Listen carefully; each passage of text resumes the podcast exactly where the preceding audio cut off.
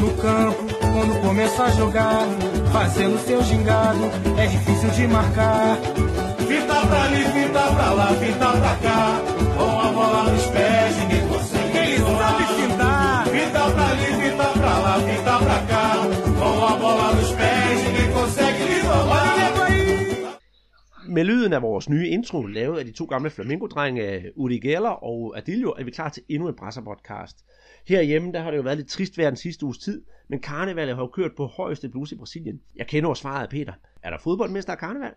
Nej, det har der ikke rigtig været. Der var øh, kampe her i, i lørdags, og så ellers har det været stille lørdag, øh, så søndag, mandag og tirsdag, ikke? men nu her, så begynder kampene så, så småt igen. Så der, det er nok også meget godt for, for folk, der har været ude og danse hele natten, ikke? at nu kan de sætte sig og se en, en fodboldkamp foran fjernsyn og måske holde kæresten i, i hånden. Men øh, det, det, er, det er overstået nu, og Brasilien er ved at vågne op igen.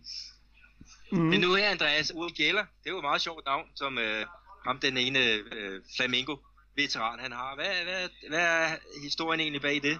Ja, som jeg, som jeg påpegede i, i sidste uges podcast, så er det simpelthen fordi, han nærmest havde bolden klistret til foden, og så kunne han bøje bolden rundt omkring på banen og med sine skæve skud og sådan noget, så derfor fik han tilnavnet Uri Geller. Og så var han også øh, lidt af en af damernes ven på banen og uden for banen. Den historie, den vender jeg så tilbage til i, i slutningen af podcasten, for det er sådan en, man sidder og smiler lidt på læben af, når man hører den. Hvad siger du til det, Peter? Ja, det lyder som en, en god idé. Skal vi øh, til, til dagens spiseseddel? Ja, lad os, lad os gøre det. Ja, Vi lægger jo ud øh, på den internationale scene med øh, Copa Libertadores, ikke? hvor at, at vi snakkede sidste uge om, at øh, Botafogo og Atletico Paranaense, de skulle i en afgørende kvalkamp for at komme med til gruppespillet. Og øh, der har vi jo resultaterne for det, og det- gik vel meget godt. Ja, ja, og det var bestemt underholdende, og vi har også noget, vi skal følge op på i forhold til, hvordan for eksempel Botafogo spillede, for jeg sagde en ting, og du sagde noget andet. Nu får vi se, hvem der har ret. Derudover så skal vi kigge på delstatsmesterskaberne, som for nogens vedkommende er i den afgørende fase. Vi har haft derby i Rio, og hvad der skulle være et kæmpe derby, som burde være afholdt på Maracanã for, hvad ved jeg, 50.000 mennesker. Det blev på tilskuersiden i hvert fald noget af en fesen affære, men øh, kampen, den var rigtig spændende. Så skal vi selvfølgelig også en, en tur til São Paulo, hvor vi skal kigge på, ja, vi kan kalde dem de fire tenorer, de fire store fodboldspillere der. Og så skal vi også se frem på en kamp i det sydlige Brasilien, i uh, Gaucho-mesterskaberne, Grêmio mod Internacional. Og der har jeg her i dag lige snakket med uh, Vejle-spilleren Lucas Maia, som jo er uh, blå, blå, sort og hvid af hjerte, for han er jo gammel Grêmio-mand, om hvad hans indstilling er til netop den der Grenau, som vi også har snakket om før, hvad, hvad det betyder Derudover, så skal vi se, se på brasiliansk fodbold fra den lidt mere kedelige side, og om det har rigtig noget med fodbold at gøre, det kan vi jo altid diskutere.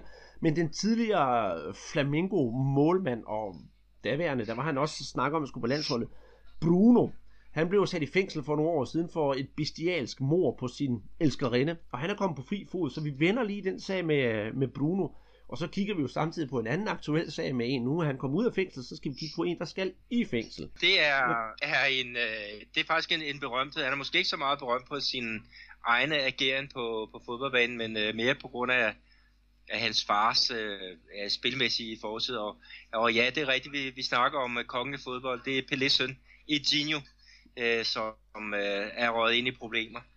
Det er nemlig rigtigt. Og øh, til sidst, inden vi skal have historien om øh, Udi Geller, så skal vi lige runde det brasilianske U17-landshold, som er inde i en vigtig VM-kval, og intet mindre end kamp mod Argentina står for døren, og der er virkelig krig på kniven der. Det glæder jeg mig til, det har, det har du styr på, Peter, så det glæder jeg mig til at høre rigtig meget om. Så lad os komme i gang med programmet, og Let's get ready to rumble.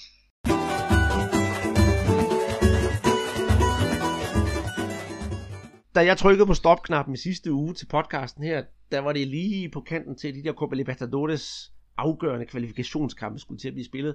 Og det var jo som sagt, vi har snakket, om det i sidste podcast, det var øh, Botafogo og Atletico Paranaense, der skulle i, i ilden. Skal vi starte med at vinde Botafogo-kampen? Ja, lad os gøre det. Ja, De fik et øh, fornuftigt resultat i den, den første kamp mod Olympia fra, fra Paraguay. De har vundet 1-0 hjemme på Ingenieur, ikke? og det betød, at øh, de kunne klare sig med uafgjort på udebane i Asunción. Men øh, det, og, og, det tød meget på, på 0-0 øh, indtil ja, 10 minutter før tid, men hvad skete der så der? Olympia lige scorer, og så skal de ud i straffespark. Det er rigtig, rigtig interessant for på Botafogos hold. Der har man altså skiftet målmanden ud i løbet af kampen. Jeg tror, der er gået en lille times tid, at øh, uh, Gachito han kommer på banen. Og det er lidt sjovt med, med Gachito. Han er nemlig selv fra, fra, fra Paraguay, og har tidligere spillet for Sao Porteño. Han snuppede tre straffespark uden problemer. Meget, meget overbevisende. Og bagefter så øh, gik de her Botafogo-spillere, de gik jo fuldstændig amok. Man skulle nærmest tro, de havde vundet Copa Libertadores. Og jeg synes, det var ufattelig flot. Altså virkelig en målmandspræstation ud over det sædvanlige. Ja, det vil sige, at han kom på banen, fordi at den, øh, at øh, den ordinære målmand, han, han blev skadet. Øhm, så Gatchito, det skal vi lige nok, som det betyder faktisk en kat, og det var virkelig nogle, nogle, nogle katteredninger, han, han er ud af, af ærmet. Øh, så det var, det var flot, ikke? Og, og, og jeg vil så sige, at, at øh, Olympia, deres fans, de kunne godt huske Gatchito fra hans, hans øh, tid for, for rivalerne, ikke? Og, og han blev også øh, buet ud på, øh, af, af hjemmepublikummet, men øh, på den måde så fik han jo en rigtig, rigtig god øh, revanche. Mm. Det tror jeg at han er fuldstændig ligeglad med øh, på nuværende tidspunkt, hvor de kvalificerede sig til Copa Libertadores. Øh, jeg havde jo sagt, at Botafogo de bare skulle stille op i en, øh, i en lidt offensiv opstilling, og så køre den fuld knald på de første 15 minutter og håbe på at komme foran. Det gjorde de jo så ikke, og jeg kan også se, at deres opstilling, den var lidt defensiv, fordi de havde kun Camilo alene på toppen. Men øh, startede de som lyn og torden, eller parkerede de bare bussen? Nej, de parkerede ikke bussen. Øh, de prøvede at holde fast i, i bolden, og det gjorde de rigtig, rigtig godt. Altså, det var, øh, det var et, et øh, Botafogo-hold, der spillede med, med omtanke, øh, og også med selvtillid. Øh, der var ikke, ikke noget med, med panik øh, under, under den der kamp, og, og selvom om de er tæt ved at redde 0-0 hjem, ikke, øh, så går de altså ikke ned, da, da Olympia de kommer på, på 1-0. Altså, de holder den til, øh, øh, til kampen er færdig, ikke? og så kommer det der spændende øh, straffesparkkonkurrence, hvor, hvor at, øh, ja, de også holder øh, nerverne i ro. Så det var en, det var en rigtig god international indsats af, af Botafogo. Ja, det synes jeg, det synes jeg bestemt også, det var det, jeg så. Altså, det, var, det var kamp på, på højt niveau fra begge hold, faktisk. Øh, hvis vi så kigger fremad, lige for Botafogus vedkommende, så er de jo kommet i, øh, i en gruppe med Estudiantes fra Argentina, Barcelona, ja ikke dem, men altså fra Ecuador, og Atletico Nacional fra Colombia. Øh, når jeg umiddelbart kigger på dem, jeg kender ikke Barcelona fra Ecuador, så er det jo to rigtig gode hold, de er kommet i gruppe med, så de får da også kamp til stregen, når de skal i gang med turneringen. Ja, det, det er nogle attraktive kampe, de, øh, de kommer ud, og øh, forhåbentlig så kan de jo følge trop, altså de, de slog Colo Colo ud i den første kvalrunde, og så slog de Olympia ud i, i næste, ikke? så de har, de har, øh, måtte, de har helt sikkert høstet noget selvtillid, og øh, jeg tror, det bliver, bliver rigtig svært at have med at gøre i, i puljespillet. Mm. Øh, i, I den her kamp øh, på udebane mod Olympia, der er de også uden deres, deres playmaker øh, Motisho, som øh, var deres helt store signing det her år. Ikke? Og alligevel, så formår de at, at, at holde, øh, holde ro på og, og, og spille en, en øh, fornuftig kamp, men... Øh, men med Motisho tilbage, ikke, så, så vil jeg sige, så, så kommer Botafogo til at kæmpe med om de to bedste pladser i, i den her gruppe. Det andet hold, der var i aktion i onsdags, det var Atletico Paranaense. Efter 3-3 på hjemmebane, hvor de var så tvunget til at skulle fremad på banen på, på udebane og skulle score. Øh, lad os sige med det samme. Atletico Paranaense, de vinder 1-0 på et mål af Lucho González efter et hjørnespark, hvor forsvaret nede i Deportivo, de snorks over. Bolden ryger ind i, ind i feltet til Nikavn, som lader den gå videre til bag stolpe, og Lucho hugger den i kassen. Øh, det var en underholdende og neglebidende affære, som kunne have været gået til, til begge sider. Det var måske det, der sådan var kampresultat, der var det vigtigste, for bagefter var der sådan lidt, lidt, lidt efterspil. Det ved jeg, du har noget på, Peter. Ja, det var øh, den klassiske øh, Copas øh, Libertadores. Øh, der var ballade øh, efter kampen, da, da to af Atletico Paranaense spillere, de blev kaldt abekatte af, af, af publikum. Og øh, publikum, de, øh, de kastede også flasker på banen, og sågar et, et stolesæde, det blev også lige revet løs og, og røg ind over hegnet øh, ind mod øh, brasilianske spillere. Atleticos øh, træner Paulo Autuori, han øh, kaldte bagefter også at øh, det Sydamerika for, for simpelthen en, en bananstat. Altså, øh, han kom ind på det der med, hvordan kan vi tillade os, at sådan noget sker her i, i Sydamerika. Altså hvis det er Europa, og der sker nogle øh, folk, der, der råber racistiske ned mod spillere, så bliver der taget hånd om det. Men her i, i Sydamerika, der tænker man sådan, at ja, det, det, det går jo nok. Og der, og der vil han altså øh, jeg bede, at, at, øh, politiet øh, på de der steder rundt omkring på stadion, at de altså tager fat i de øh, fans, der, der begynder på, på alle de der øh, kedelige ting, øh, med at, at kalde spillerne for det ene og det andet, altså abekatte. Og, øh, og det synes jeg, han har, der har ret i. Altså, der har man lidt for meget den der lad stå til holdning. Men jeg er så ikke enig i ham, at, at, at vi, de er særlig gode til at løse tingene i Europa. Fordi jeg synes, vi har haft nogle kampe. Jeg har også selv været inde og se nogle kampe i, i øh, Europakoppen, øh, blandt andet inde i parken, øh, hvor FCK spillede mod et fransk hold, altså hvor der også blev råbt øh, abelyd der efter en øh, fransk spiller, der skulle tage hjørnespark.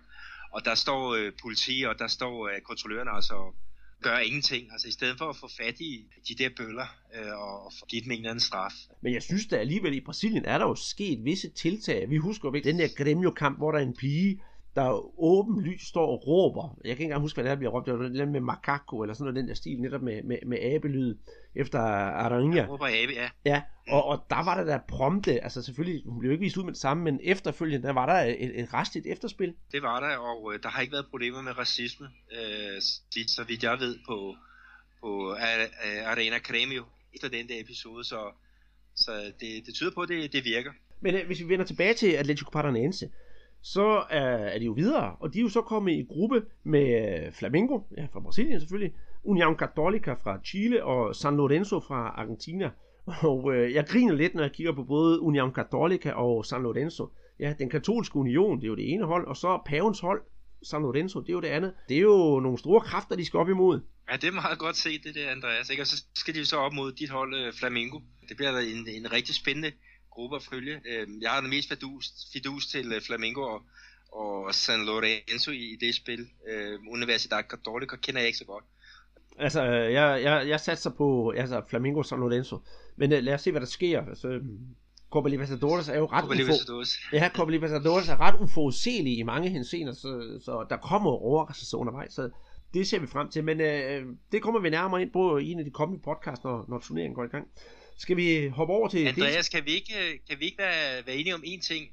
At vi får i hvert fald brasilianske hold med, øh, når vi går videre til knockout-fasen. Altså, der er otte grupper her, og øh, der er otte, hele otte brasilianske hold med. Jeg, jeg tror, Argentina, det er det hold, der har næstflest hold med, og det er fire eller fem, så, så vidt jeg husker. Øh, men, men det er jo virkelig et, et, et, et vildt, at et hold eller et land kan have otte med.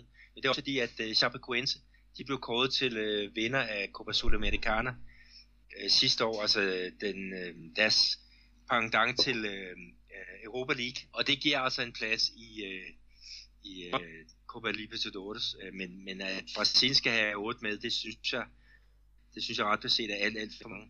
Ja, det, det synes jeg også, og hvis der ikke er nogen af holdene, der går videre, så skulle det også være et, ja, det er næsten mere et mirakel. Ja, så lukker fodbolden i Brasilien. Ja, det, det, det, tror jeg også. Nå, skulle vi kigge på delstatsmesterskaberne? Ja, lad os komme lidt rundt her i det store land. Hvis vi kigger på statsmesterskaberne, så synes jeg, vi skal starte der, hvor man, ja, skal vi sige, er nået længst. Der er man i hvert fald kommet til øh, den første af, af nogle finaler, og det er nemlig i Rio. Der var der jo klassisk opgør i øh, semifinalerne om Taça Guanabara, og her i weekenden, så skal der være finale. Men øh, i og med, at der er finale i Taça Guanabara, er det ikke ens betydende med, at man har fundet en statsmester. Turneringen det er sådan en, en trætrins raket, hvor man til at starte med spiller gruppespil, og så nu kommer der første finale, og der er også noget nedrykningsspil, og så går man videre til endnu et gruppespil, hvor man så skal finde en vinder. Øh, tror du, at Færs, som er, det, som er Rives fodboldforbund, de bevidst har lavet sådan en turnering for at gøre det mest indviklet som overhovedet muligt? Ja, det kunne tyde på det, men, men så længe som, som jeg har beskæftiget mig med brasiliansk klubfodbold, så har det været på, på den her måde. Og det, det er lidt sjovt, at de ikke kan finde ud af en, en anden og lidt mere elegant måde at finde frem til, til en mester. Fordi nu siger du, at vi har den første turnering, som, hvor vi er nået frem til finalen. Ikke? Så har vi så den næste turnering, den der hedder Tarsa Rio, hvor vi også skal finde en vinder. Øh, og så, så de to vinder af de turneringer, de spiller så om selve øh, Rio-mesterskabet, altså det totale Rio-mesterskab. Øh, og så øh, kan man så spørge sig selv, jamen hvad sker der så, hvis øh, for eksempel øh, Botafogo, de vinder begge turneringer. Hvad, hvad, øh, de to første turneringer, hvad sker der så? Jamen, så, bliver, så er de jo bare erklæret vinder af det hele. Så har man jo ikke den sidste kamp, hvor man skal lave det der kæmpe opgør. Jamen, det er nemlig det er rigtigt, og det er en lidt øh, sjov måde at, at gribe det an på, men, øh, men øh, som du fortæller der, så er vi jo nået frem til, til finalen der i den første øh, turnering, ikke? Øh, Tassa Guanabara. Og det bliver jo øh, en sådan rigtig flaflu. Og det, og det er jo egentlig ikke nogen nyhed, fordi i 9 ud af 10 tilfælde, så er de der finaler, det står mellem de fire store hold, altså Flamingo Vasco og Fluminense og Botafogo. Botafogo har underspillet lidt deres rolle her i turneringen indtil videre, øh, og de er jo faktisk gået ud af, af det her nu, fordi de har skulle spille de her vigtige Copa Libertadores kampe. Og øh, derved har de givet pladsen til ja, Flamingo og Fluminense og Vasco. Og især, synes jeg, nu må du stoppe mig, hvis jeg øh, bliver overivrig. Jeg synes, det er Flamingo, der klart har domineret turneringen indtil videre. Og i weekenden, der mødtes de så Flamingo og Vasco i en øh, særdeles underholdende kamp. Det må vi jo sige, jeg som Flamingo-tilhænger og du som Vasco-tilhænger. Det, der var der underholdning for alle pengene, synes du ikke det? Jo, det var en, en rigtig øh, fin kamp, og egentlig også en fortjent øh, nok øh, sejr til, til Flamengo. Som du siger, det, de har været det bedste hold ud af de to under den her øh, uh, Tassa Guanabara, og de går, går hele vejen til, til finalen. De kan jeg kun øh, uh, let uh, øh, på hatten for. Mm. Jeg skal lige sige, at uh, det enlige mål i kampen, det blev scoret efter 41 minutter af, af Diego på et straffespark. Men uh, ja, en fortjent sejr til, til Flamingo. Og jeg må sige, det, det negative, jeg skal finde ved kampen, det er jo tilskuertallet. Jeg tror, der var omkring 5-6.000 tilskuere til den her kamp ude i Volta Hadonda, som er sådan lidt ude i, in the middle of nowhere. Og det er jo rigtig, rigtig synd. For det er jo sådan en klassiker, der i, i hvert fald i Rio nemt kunne samle i hvert fald mindst 50.000 tilskuere. Jeg har personligt været til et par Flamingo Vasco kampe, og jeg har ikke været ude for, at der har været så lavt tilskuertal. Jeg tror, det mindste, jeg har været til, det har måske været 45.000 eller sådan en stil. Og det er bare ikke, ja, det er sgu bare ikke godt nok. Det er karneval, der er fest, og så skal det også være en, en, en fodboldfest. Det, det, var, det var det eneste, der skæmmede mig ved den kamp. Ja, men det, altså, der er ingen tvivl om, at hvis den havde været spillet på, på Ingenieur, så havde der været 40.000 tilskuere til, til den her kamp. Øh, Maracanã ligger jo stadigvæk sådan lidt øh, og, og, og varmer op på at få, få comeback, ikke, efter at, at den nærmest har ligget død efter, efter OL-turneringen. Øh, og øh, nu må vi så håbe på, at, at, øh, at, at finalen mellem øh, Fluminense og, og øh, Flamengo, det bliver lagt på et, et, et, et stadion, ikke, hvor der kan være, være fuldt hus, ikke, og med, med 50% til, øh, til hver øh, supportergrupperne. Fordi det, det synes jeg virkelig, øh, fodbolden i, i Rio de Janeiro øh, trænger til nu, nu og her. Ja, det gør det. Og det kan vi jo så forhåbentlig få her i weekenden. Den anden semifinalkamp, det var så Fluminense mod Madureira. Og ja, jeg har intet at sige til den kamp. Det var en øh, kedelig 0-0'er, hvor Fluminense de nærmest sov en lille smule. De hiver så, eller de får så finalepladsen på grund af, øh, på grund af en bedre statistik i forhold til Madureira, så de kunne nøjes med den uafgjorte. Det, der var værd at lægge mærke til i kampen, det var, at Gustavo Scarpa blev skadet og blev øh, skiftet ud. Og det var faktisk ret synd for Fluminense, fordi vi kan jo begge to godt lide Gustavo Scarpa og hans fantastiske evner inden for en mål. Og jeg tror, at det vil øh, være en hemsko for Fluminense, at de ikke har ham på, på banen til finalen her i weekend mod Flamengo. Ja, jeg ved faktisk ikke helt, hvor langt han er i, i om han bliver klar, men, øh, men han er et vigtigt brik for, for det her nyrenoverede Fluminense-hold. Altså, de har jo solgt Fred, og de har solgt så, som var nogle af deres rutinerede øh, kræfter, ikke? Og, og så nu her, der er jo Richarlison, der, der spillede på det brasilianske 20-landshold. Han har virkelig, han kom tilbage efter det der misset VM-fald, og har gjort det rigtig, rigtig godt. Men øh, jeg, jeg tror faktisk, Scarpa, ham vil jeg nok beskrive som deres, deres nøglespiller, og det vil være pokkers ærgerligt, hvis han ikke er, er med i finalen. Ydermere så fik øh, Fluminense, de fik jo rødt kort i kampen, og det var Douglas, deres øh, midtbanespiller, der fik den. Og han har jo også været en af de bærende kræfter på holdet. Så hvis vi kan kigge kamp, frem mod kampen på lørdag, øh, så får du lov til at byde ind først, hvem du tror, der, der, der er favorit, fordi jeg vil jo nok være meget farvet i min udtalelse jeg, jeg vil sige, at Flamengo de er favoritter til at, at vinde den her øh, turnering. For det første så uh, er de spiller for spillere, så er de stærkere end, end Fluminense, som uh, er igennem sådan et øh, generationsskifte, hvor, hvor de blandt andet har solgt øh, Fred og, og Cicero. Øh, og, og, og selvom Fluminense har ja, lige så mange point som, som Flamengo i, øh, her i, i grundspillet, så, så er Flamengo bare lige en del stærkere. Ikke? Så en 2-0 sejr til, til Flamengo, det er mit bud. Jamen, den, der hopper jeg gerne med på vognen, og jeg synes også, at når, når, når jeg følger Flamengo der på sidelinjen, at de virker som om, de har aldrig haft så meget selvtillid, som de har lige nu. Og selv da de spillede en, en piratliga-kamp i det der Primera Liga, som ikke er rigtig gået ind i de her podcast i år indtil videre, der havde de en 0-0 mod, mod Ceará. En død kedelig kamp, men det tog ikke mod fra dem. Og især netop, hvad hedder han, Diego, han skinner jo fuldstændig igennem. Og jeg kan fortælle dig sådan som lidt en, en sjov historie, der er begyndt blandt flamingo-tilhængere at være lidt mode i at blive klippet ligesom Diego, og få en Diego-frisyr. Åh, det, det lyder da fornuftigt. Men jeg har ikke set, du, du har ikke gået den vej endnu, kan jeg se. Nej, nej, det er jeg ikke, det er jeg ikke. Men øh, jeg lægger gerne et billede op af Diego, hvis der er nogen, der skulle have sådan et øh, input til at gå til frisøren. Skal vi, øh, ja. skal vi kigge lidt længere sydpå? Ja, Gaucho, Rio Grande do Sul. Ja. Der er, er vi ja, rundt om hjørnet, der venter jo det der som, ja, det, det store derby mellem øh, Gremio og, og International. Altså det, der også bliver kaldt for Grenau Classico. Og øh, du har jo du har sendt besked til øh, dine venner i Vejle. Ja, i Vejle der har vi jo Lukas Maja, og hvis der er noget han er, så er det han jo Gremio-tilhænger. Og jeg, jeg spurgte ham om, hvordan det er, hvad synes han om det der derby, og, og så i samme ombæring, hvem der skulle vinde, når de spiller her i, her i weekenden. Vil du høre, hvad han sagde? Ja, det, det vil jeg meget gerne.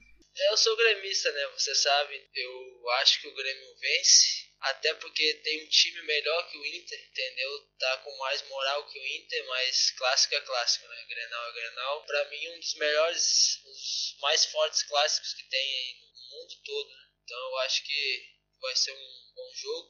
Til de ikke portugisisk kyndige, så kan jeg fortælle, at øh, Lukas han synes, at øh, Grenau for ham, der er det, der er det blandt, et af de, blandt de vigtigste derbys i hele verden. Det er ikke bare det vigtigste i Sydamerika, det er i hele verden. Det betyder, hvor meget det ligger ham nært, og hvor meget der er på hjertet. Øh, samtidig så ser han jo også Gremio som værende favorit til, til kampen, fordi Gremio simpelthen har et bedre hold end Nacional og International, de skal jo spille i næstbedste række her i den kommende sæson, hvor Gremio, de er jo pokalvinderne. Så selvom han nok også ser det med, med Gremio-briller på, så har jeg da fuld tillid til, hvad han siger. Jeg tror da også, at Gremio nok skal hive den hjem. Ja, det, det lyder fornuftigt nok. Altså, øh, Gremio, øh, de, de kommer faktisk til det her klassiko med en, en 2-0 sejr øh, her i den, den sidste runde, øh, hvor de vandt over Cruzeiro. Og det er så ikke Cruzeiro her fra, fra min by, men, men øh, der er jo et hav af Cruzeiro-klubber rundt omkring i, i, i Brasilien. Men øh, der er blandt andet et, et, et gudmål af, af Mila Bolaños, som er, er landsholdsspiller fra, fra Ecuador. Så de, de, de kører fornuftigt nok. Øh, og International, de har jo hakket rigtig, rigtig meget i det her i, i starten af nye år. De fik så her i, i, i weekenden deres første sejr i den her turnering, og det er altså efter fem spillerunder. Øh, de vandt så 1-0 over Brasil de Pilotas på mål af Robertson. Det, det, var, det var en sejr, som, som de skulle have ikke, for at, at bygge lidt selvtillid op til, til, til den her kamp. Øh, men interessen til, til kampen her vil sige, at man forventer, at der bliver 37.000 tilskuere på Arena Gremio. Og det er på et, et stadion, hvor der er plads til omkring 60.000. Så det er ikke fordi, det, det er imponerende øh, med, med fremmødet. Men øh, det er jo gruppespillet, ikke? Og, og hvis de mødes i, i finalen, så skal der nok komme øh, fuldt hus. Ja, det... Øh, I øh, Porto Alegre. Ja, og det plejer jo at være enormt spændende opgør. Så selvom det ikke er den liga, jeg følger mest med i, uh, Campeonato Gaúcho, så en Granau, den skal jeg bestemt ikke gå glip af her i weekenden. Jeg kan så sige også, at, at uh, de kommer jo til den kamp med forskellige forudsætninger. Du sagde, at uh, International de rykkede ud af CA sidste år, og det betyder altså uh, betyder en større udrensning. Det er 25 spillere, som uh, klubben har vinket farvel til her, uh, her i i hvad hedder det, december og, og januar måned. 25 spillere, det er godt nok mange. Ikke, hvor mod øh, Grêmio, de har godt nok vinket farvel til øh, en spiller som Wallace, der nu spiller i, i HSV, ikke? Men, men øh, der er bare mere kontinuitet og mere ballast i, i Grêmio, som også skal spille Copa Libertadores. Øh, så øh, ja, Lukas har, har set rigtigt. Grêmio, de, de, de må simpelthen være vinder af, det, af den, det første klassiko i Porto Alegre mm-hmm. her i år. Og jeg er også overbevist om, at Gremio, der vinder hele den her turnering. Vi er stadigvæk ikke nået til slutspillet. Der er 12 hold i, øh, i første pulje, kan man sige her. Og de spiller jo så en kamp hver, og så går de otte bedste videre til et slutspil, og der ser jeg bestemt også øh, Gremio som en af favoritterne. Ja, det, det, øh, det kan jeg kun sige øh, ja til.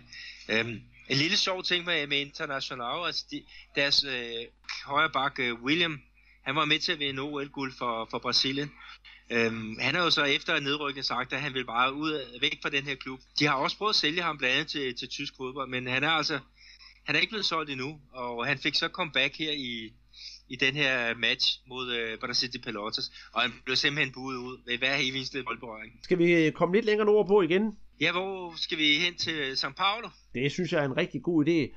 Og øh, der har du introduceret mig for, ind, for, for udtrykket de fire tenorer. Vil du forklare lidt om det? Jamen, det er jo fordi, at vi har jo de fire store klubber i, i øh, São Paulo, og de har jo hver en, en rigtig mål topscorer på deres hold. Så jeg kigger her på, på São Paulo, de har jo de har jo Lucas Pratos, som de har hentet i Atletico Mineiro. Så har vi jo Corinthians, som har fået øh, Jo øh, i, i deres trup. Øh, han har spillet der som ungdomsspiller, men nu er han så tilbage igen. Palmeiras, de har jo købt øh, Miguel Borja, som kommer fra Atletico Nacional. Og så har vi jo Santos, som, øh, som har en, en gammel målrev i Ricardo Oliveira, som altid har lavet mange mål for, for Santos. Og det er sådan lidt sjovt lige en gang med at, at tage udgangspunkt i de der topscorer, frem for at sige, hvad, hvad blev resultaterne af den og den kamp. Så, så lad, os, lad os prøve en gang at starte i São Paulo med Lucas Prato. Jamen, øh, det kan vi sagtens. Øh, den kære argentiner, han spiller jo for, ja, for klubben San Paulo. San Paulo, de mødte øh, her den 22. San Bento, hvor de spillede 3-2. Og øh, den kære Lucas Prato, han har haft to kampe for klubben ind øh, til videre her i sæsonen, og han har scoret tre mål. det lyder jo rigtig, rigtig lovende. Ja, vi har jo tidligere snakket om, at St. Paulo, hvis der er noget, de mangler, så er det netop en, en rigtig øh, center forward, og, og Lucas Prato har været god for det argentinske landshold, og han var også god for Atletico Mineiro, men kom bare i skyggen af, af Fred. Uh, men uh, men altså, han kommer jo på, på et, ind på et St. Paulo-hold, som har været noget svingende. Uh, det, den første kamp, de, de lavede ud, det, det fortalte du jo om Audax, ja. hvor de tabte over 4-2 her. Uh, og, øh, og de har jo fået en ny træner i Rosario Sani, den gamle målmandslegende, og han har lidt problemer med at, at finde jeg skal sige, noget stabilitet på, på holdet. Altså, øh, de har spillet øh, nogle kampe her og været foran 2-0, og så gået derfra kun med, med et point på, på kontoen, og, og det er bare ikke godt nok for et, et hold som, øh, som St. Paulo. Men lad, lad os da håbe, de kan, de kan finde... Øh, ja, finde rytmen, ikke? Øh, altså, de har i hvert fald fundet den rigtige målscore i Lucas Brasso, så det bliver spændende at følge. Mm, ja, det gør det. Og inden vi går videre her, så skal jeg lige rette mig selv og så sige, at kampen mod øh, São Bento, det var ikke den sidste spillede kamp. Jeg spillede i den 22. og så den 25. der spillede de igen øh, São Paulo, hvor de spillede 2-2 mod øh, Novo Rudzinho. Så den skal vi lige have rettet, inden vi går videre. Godt. Så har vi også øh, været Corinthians, øh, som skuffede sidste år. De har jo hentet øh, og han har været sådan lidt, øh, det har været sådan lidt on and off med, med ham. Han kæmper om øh, startposition med en, en anden ny erhvervelse, der hedder Kazim. Øh, og øh, Joe, han, han har lavet to mål i fem kampe, ikke? Og, og det har der været, været fornuftigt nok. Og Kazim, han har, en, han har lavet en enkelt en. Jo. Men øh, Joe, han er i hvert fald her i den sidste kamp, da de spiller. Ja, det, det var netop meget interessant. Jeg skulle til at sige, der lavede han jo en ren Kenneth Brylle.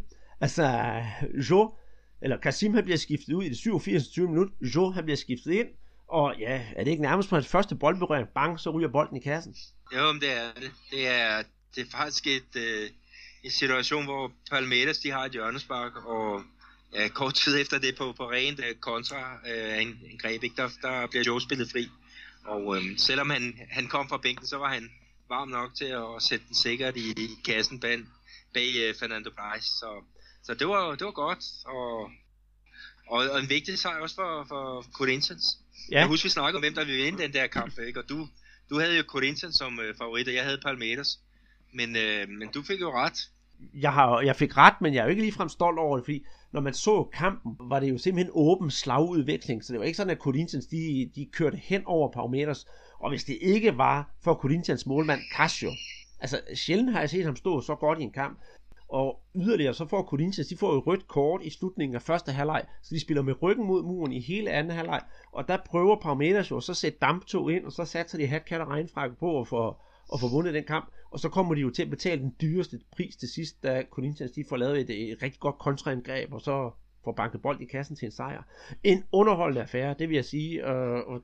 Ja, helt sikkert. Øh, den blev jo også øh, noget med præget af den der dommerkendelse. Altså, øh, Corinthians, som du fortalte, de får udvist øh, Gabriel og, øh, for sit andet gule kort, og, og alle billederne viser, at, at det faktisk var Mike Conter, der burde have haft det, det, den der advarsel. Så, så de var jo rigtig godt tilfredse, øh, Corinthians, med, at de, de overlevede den der kæmpe dommerfejl. Mm. Og dommeren, han er, han er så også blevet sat på, på overlov indtil videre.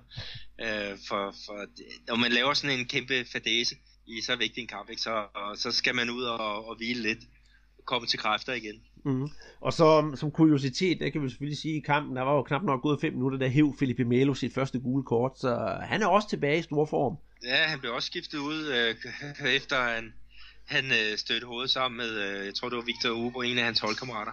Så, så han spillede i ja, kampen færdig med bandage. Hvis vi kigger på Parameter, så finder vi en anden en af de fire tenorer, og det er jo Borja. Vil du fortælle lidt om ham? Jamen Borja, han vandt uh, Copa Libertadores med Atletico Nacional sidste år, og, og øh, det gjorde også, at han blev kåret til øh, kongen af Amerika. Det er sådan en, en pris, der, der uddeles af journalister her i, ja, både i Nord-, Syd- og, og Mellemamerika. Og øh, han vandt faktisk øh, den her titel foran ingen ringer end, end Gabriel Jesus. Og øh, Gabriel Jesus, han spillede for Palmeiras, blev solgt til Manchester City, det, det ved alle. Og øh, for de penge, der har man altså købt øh, Borja, og øh, han er kommet fint fra start, øh, den øh, unge kolumbianer. Han var så ikke med i kampen mod, øh, mod Corinthians, men øh, han var så med i, i kampen øh, efter, hvor han så startede på bænken. Men øh, kom ind og scorede et mål i 4-1 over Ferroviaria, så så en, en god start af, af ham her, der øh, ser fantastisk spændende ud. Han er fysisk stærk og, og, og, og sindssygt hurtig, og han bliver også spillet igennem, ikke? Og, øh, med keeperen og er iskold i sin, øh, i sin afslutning. Så, så han er virkelig et, et godt kort for, for Palmeiras i, i kampen om at blive Copa Libertadores mester her i, i år. Mm. Og så er han jo i sin bedste alder. Han er jo kun 24, så der er også plads til udvikling, hvis han skal slå rigtig igennem. Og så må man jo håbe for Palmeiras, at han ikke slår så meget igennem, at han ryger direkte videre til Europa. Ah, han kommer til Europa i løbet af, af 2018-2019. Det, han, han er så dygtig, så, så han, skal, han skal videre øh, på et tidspunkt. Mm. Jeg vil dog sige, at han har været en lille tur i Europa. Han var i 2013-2014, lige snuste han lidt til den italienske Serie A, hvor han spillede øh, i Livorno. Men øh, derfra der var han tilbage til Olympia i, i Argentina. Men øh, lad det nu ligge. Har du mere tilføje til drengene fra Palmeiras? Um, ikke andet end, at, at uh, selvom de tabte det her derby, så, så synes jeg, at det virker som om, de er på, på ret kurs. Uh, og det, det kan vi jo også få understreget, det, når vi skal ind på, på stillingen her til, til sidst i, i det her afsnit. Men lad os kigge mod, øh, mod Santos, fordi de har jo også en, en rigtig målrev i den rutinerede Ricardo Oliveira. Og han har sådan haft et, et, et lidt øh, uh, uheldigt, en uheldig start på, på 2017. Han blev, da startede skadet, ikke, og så blev han endelig klar. Uh, fik uh, to kampe uh, for, for, for Santos, og i den sidste kamp her, der måtte han simpelthen øh, udgå, og han, hans hoved måtte lappe sammen med øh, 15 sten. Spændt på, om han er klar her til, til næste runde. Men Santos har handlet godt ind, og de har en, en fin reserve i, i Rodrigo. Øhm, og ikke mindst øh, Kajke, som, som de fleste kan huske fra, fra OB-tiden. Han, han skal nok også få noget, noget spilletid. Men Santos, de har ikke haft den, den bedste start. De har været noget svingende. Øhm, og, og fansene, de kritiserer lidt trænerne øh, Dorival Junior. Men altså, øh, deres trup er, er sindssygt stærk. Og jeg glæder mig til at se den, når, når det hedder Copa Libertadores, fordi der tror jeg virkelig, at, at de, de slipper kræfterne fri. Jamen det, det tror jeg også, og det er jeg, øh, Santos er altid fornøjelig at se på, så, så der skal vi nok få noget god fodbold derfra.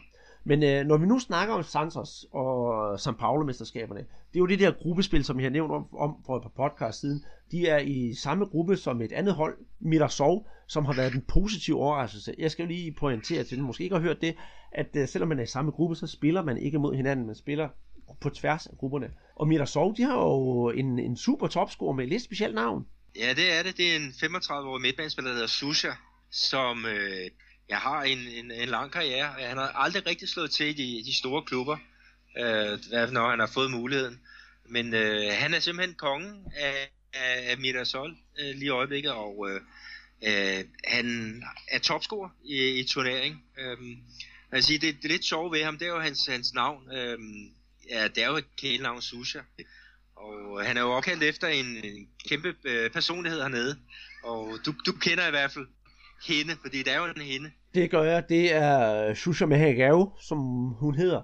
Og hun er berømt for at lave øh, børnetv, startede tilbage i 1983 med at lave tv for, for de aller, aller mindste. Og hvis man så det dengang, så kan jeg ligesom som kuriosum nævne, at den ville bestemt ikke gå i dag, fordi hun, hendes beklædning i det allerførste show, hun lavede, der kunne hun lige så godt være med i et, øh, et stripshow. Men øh, hun har altså gjort sig en stor karriere for, til at lave børnetv, og er en af, jeg ved ikke om hun stadigvæk er det, men var i hvert fald for 10 år siden, nok den bedst betalte tv-stjerne i Sydamerika, og hun har en, havde en kæmpe, kæmpe magt, og det tror jeg hun stadigvæk, hun har i, i Brasilien. Og så har hun jo været kærester med diverse berømtheder, Ayrton Senna blandt andet, og også været kæreste med Pelé. Er der flere, vi kan nævne? Ja, jeg, jeg tror, hun har, været, har haft et par stykker øh, mere end, end de to øh, kend, kendiser.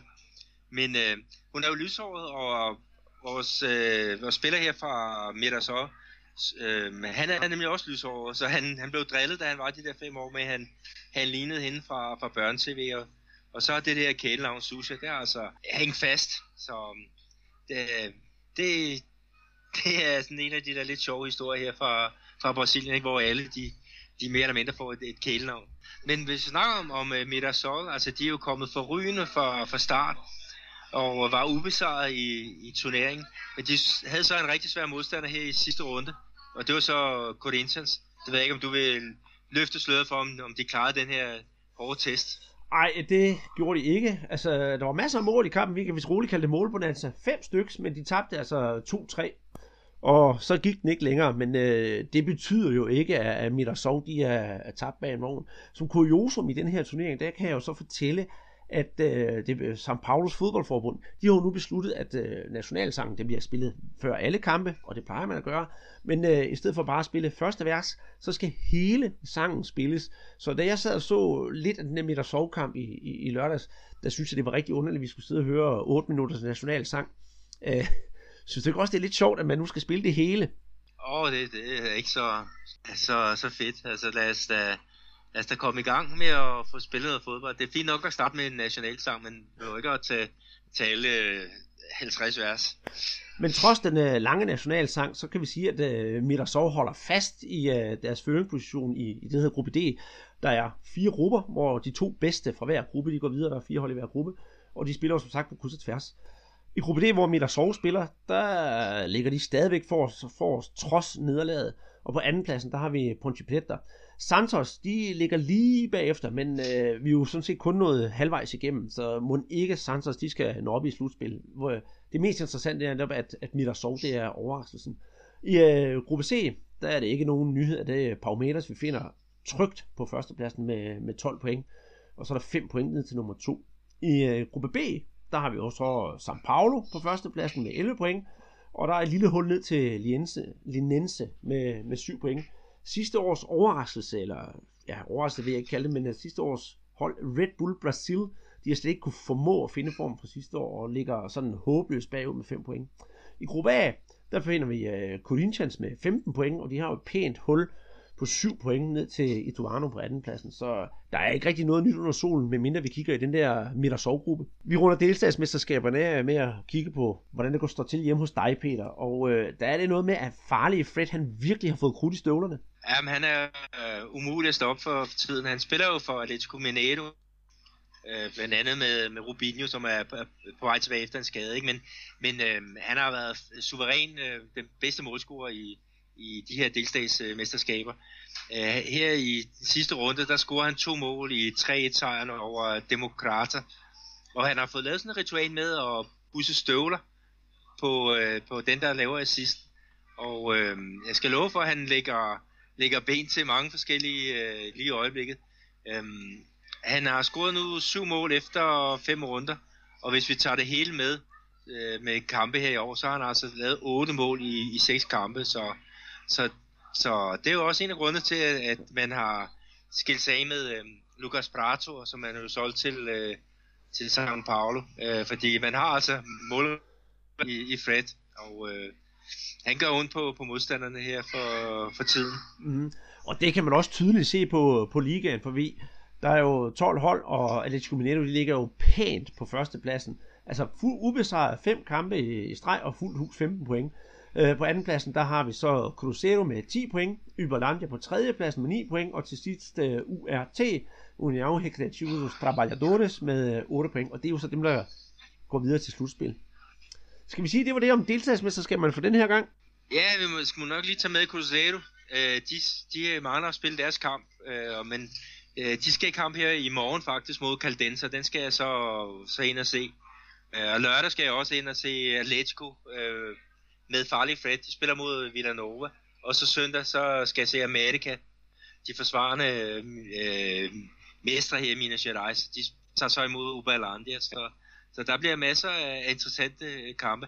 Amerika, de ligger jo lidt uden for slutspilspladsen her, og, og de skal virkelig tage sig sammen for at, at, at komme, komme med i, ja, til semifinalerne.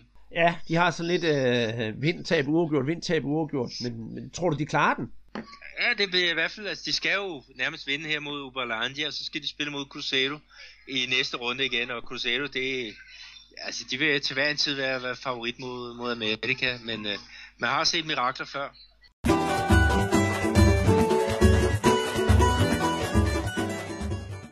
I Brasilien, når man snakker transfer, snakker man om ordet vai e vem no mercado, altså hvad der kommer og går på markedet. Øhm, nu kan vi jo så fortælle, at det samme gør sig gældende med fodboldspillere i det brasilianske fængselsvæsen. Tilbage i år 2010 spillede øh, Bruno Fernandes de Souza hos Flamengo og var meget, meget talentfuld målmand. Så vidt jeg husker, der blev han også snakket om at skulle udtages til brasilianske landhold. Er det ikke korrekt, Peter? Jo, det er nemlig rigtigt. Øh, han var en af de bedste i, i ligaen, øh, og øh, jeg var banket øh, fortjent øh, på til, til landsholdet, men øh, så skete der jo noget, noget vildt og voldsomt. Ja, det var det nemlig. Øh, I Brasilien, som nok i andre mange fodboldlande, der har de der fodboldspillere jo en hær af unge damer rendende efter sig, som simpelthen bare vil i kagen med de her fodboldspillere. Og øh, det lykkedes jo så for en af de der unge damer, en der hedder øh, Elisa Samudio. Og øh, Elisa, hun var model af den ja, lidt lettere karakter, kan vi vist roligt sige. Bruno, der var godt gift, tog sig ikke så meget af det, og indledte en affære med, med Elisa og gjorde hende åbenbart gravid. Øh, Bruno har så nægtet at ville vedkende sig barnet eller faderskabet, men øh, det skulle en DNA prøve at afgøre, og Bruno var som sagt også faren. Den kære unge dame fødte jo så Brunos barn, og det hele, for at gøre en lang historie kort, endte med, at øh, Bruno fik hende øh, slået ihjel, og endte med, at han fodrede hende til sin øh, rottweilerhunde. Og det er jo noget af det mest tragiske, man overhovedet kan komme ud for, den, der, den slags form for, for rovmor, for det er jo det, det var. Bruno blev idømt 22 år og 3 måneders fængsel, men øh, her efter 7 år er han nu ude af trammerne igen, og vil gerne fortsætte sin fodboldkarriere. Øh, tror du, han har en chance for det, Per? Ja, det tror jeg. Altså, det, hvad jeg har læst mig øh, til, så har han tilbud fra fem klubber, øh, og som, som nok vil, ja, som vil give ham en, en chance på at komme til, tilbage øh, på, på sporet. Og, og ja, jeg har det sådan på den måde, at øh, jeg, jeg synes godt nok, at, at blive løsladt efter, efter syv år, det er lige lovligt tidligt efter et, et, et ja, simpelthen et mor af, af den her øh, karakter. Det skal så siges, at øh, det var ikke Bruno, der, der, der begik mordet, men det var ham, der beordrede, at øh, en tidligere politimand, som, som blev, blev kaldt Obola, øh, Ubola, øh, han, han skulle skaffe øh, Elisa af, af vejen. At, at så det der med at blive parteret og, og fodret til, til hundene, det, det gør jo så bare det, det, det, det er endnu voldsommere. Øh, og det, jeg ved, historien den har jo også taget nogle overskrifter i, i Danmark, da den da det kom frem der i var det 2010. Ja, det var, det, er jo, det er jo en frygtelig historie. Jeg ved, at uh, Flamingo de bliver jo selvfølgelig straks spurgt, om de vil have Bruno tilbage. Bruno er efterhånden 32 år, så han er jo ikke helt ung længere, og Flamingo de har klart sagt, nej, de vil ikke have noget med ham at gøre. PT, der er han uh, på kontrakt for den lille klub i Minas Montes Claros, og hvis der er nogen Novo Nordisk medarbejdere, som øh, sidder derude og hører det her, så vil de jo nok kunne ikke genkende til Montes Claros, at Novo har en stor fabrik dernede. Så det kan jo være, at der er nogen, der har set ham spille fodbold, hvis de vil se Montes Claros spille fodbold. Men PT, så får han vist ikke nogen penge for klubben, for ikke betalt sin løn, så han vil jo gerne ud og finde noget andet at spille, øh, spille fodbold for. Men ved du, hvilke klubber, som står på spring for at prøve ham af? Nej, jeg har ikke øh, læst om, om nogen, men der skulle være i, i hvert fald et, en klub fra, fra den bedste række her i, i Brasilien, og så så nogen øh, fra, ja, fra de lavere øh, divisioner.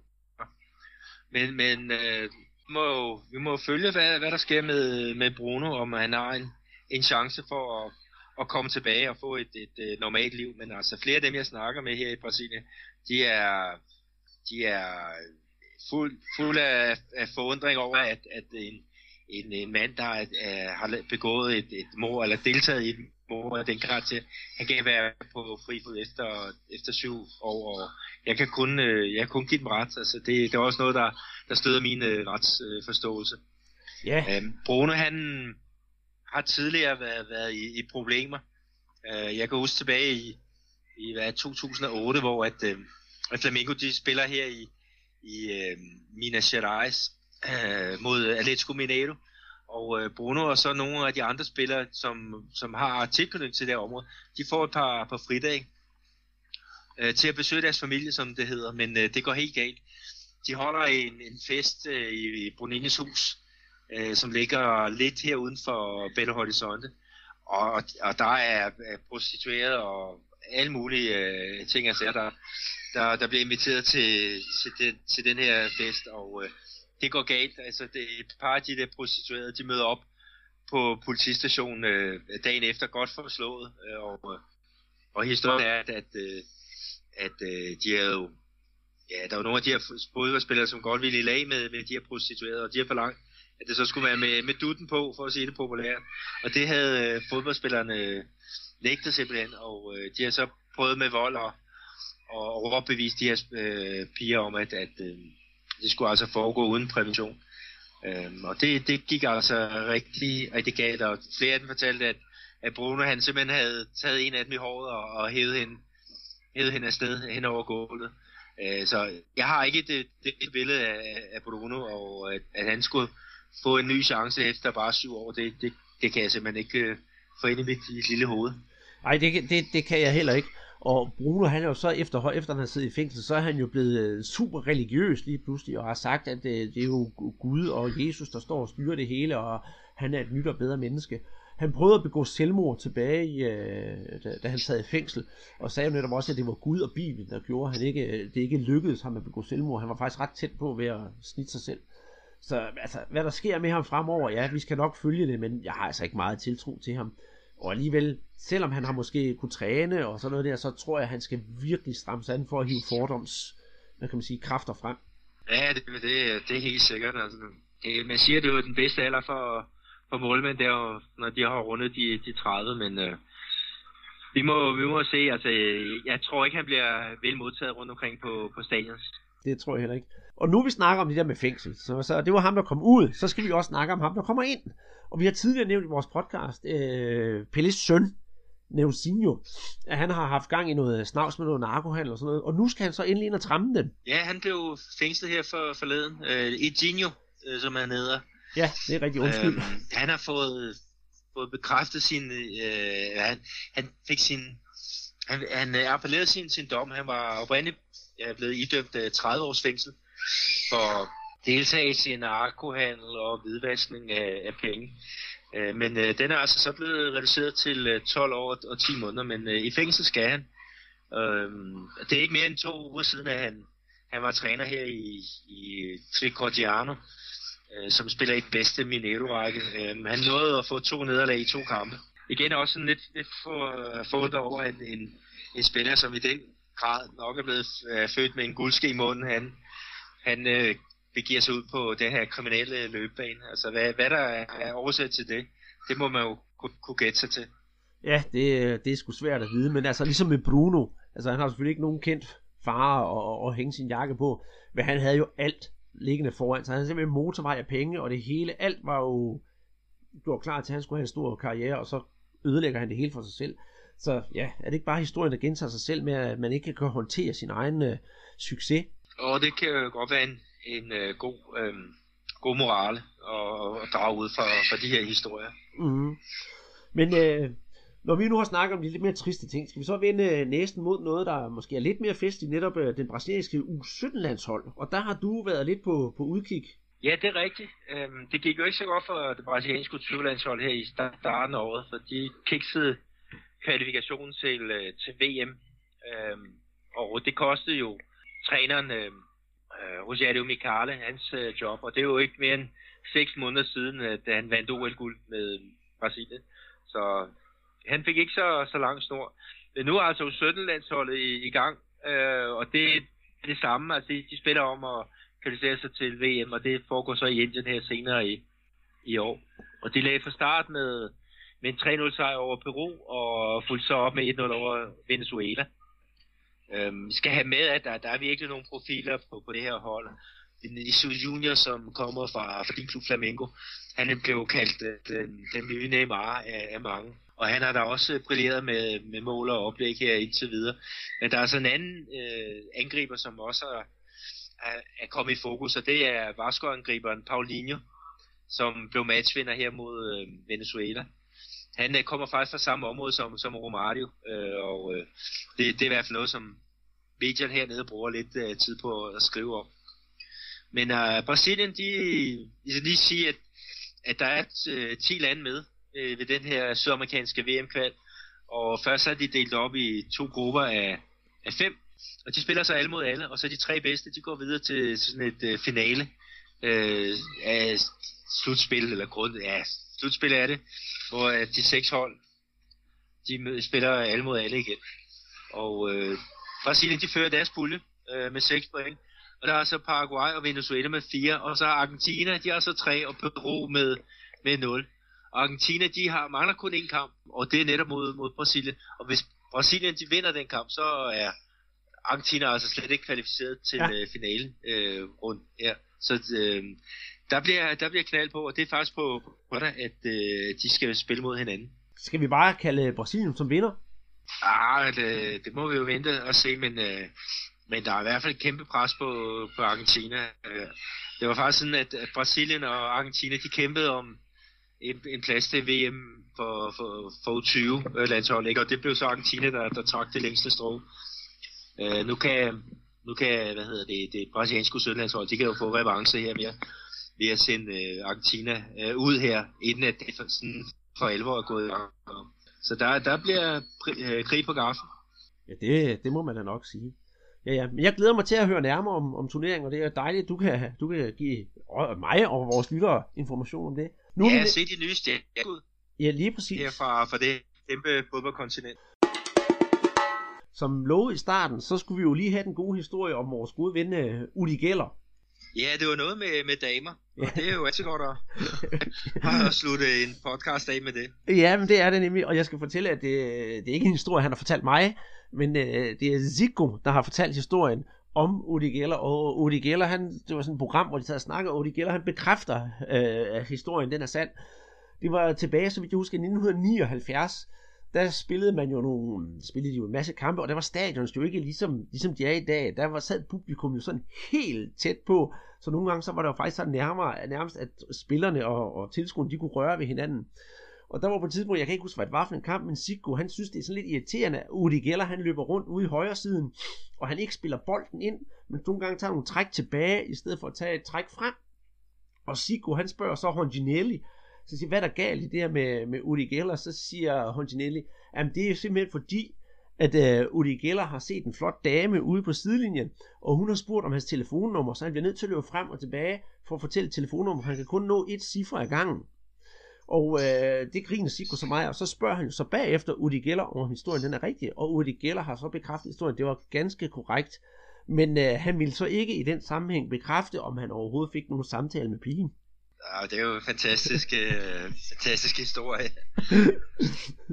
og vi skal jo tænke på, det var, det, det var dengang, man ikke havde smartphones, så der skulle man jo sidde med et stykke papir og notere hver enkelt cifre på, på telefonnummeret. Så, og jeg, da, jeg så det ja, der, kan... da jeg så den historie, Udi Geller, han sidder og, og for det der genfortalt, han sidder simpelthen med det største smil på, på læben, så det må have været ret sjovt. Ja, det har været nogle, nogle fine dribleture, da han har, han har fået foretaget sig derude ved, ved sidelinjen. Men der var også det, det sjove der, det var på, på Maracana. Og det var altid under mig, at på Maracana, det gamle Maracana, der var der simpelthen nærmest en telefonboks øh, bag det, det ene mål. Og det, det kan være, at, at øh, det var jo, når man skulle ringe efter, efter nogle, nogle damer, hvis man har fået lidt nogle interessante telefonnumre. Det er rigtigt, og jeg har altid undret mig over, hvorfor der var den her telefon inde, uh, telefonboks inde på Maracana, fordi de eneste, der kunne bruge den, det var så set dem, der var på banen. Og den, øh, den stående vidighed, den gik jo på, at telefonen var der, så spillerne kunne ringe hjem til deres mor og sige, at de har scoret. Ja, den har du ikke fået bekræftet, vel? Nej, det har jeg godt nok ikke. det har jeg godt nok ikke. Men øh, det kan være, at vi lige skal lægge hovedet i blød og finde ud af, hvorfor der rent faktisk var en telefonboks inde på Madagascar. Og jeg skal nok se, om jeg kan finde et billede og lægge det op på vores Twitter-profil. Ja, og med de her telefonnumre og de her telefonhistorier, så lukker vi så podcast ned for denne her uge. Vi håber, I kunne lide det, Peter og jeg har lavet. Og husk at følge os inde på Twitter. Og I må meget gerne give os en god anmeldelse inde på iTunes. Det var alt for den her gang. Tak for det, siger Andreas Knudsen og Peter Arnholdt. No campo, quando começa a jogar, fazendo seu gingado, é difícil de marcar.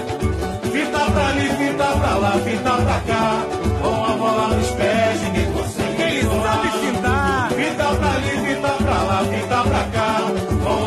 Vamos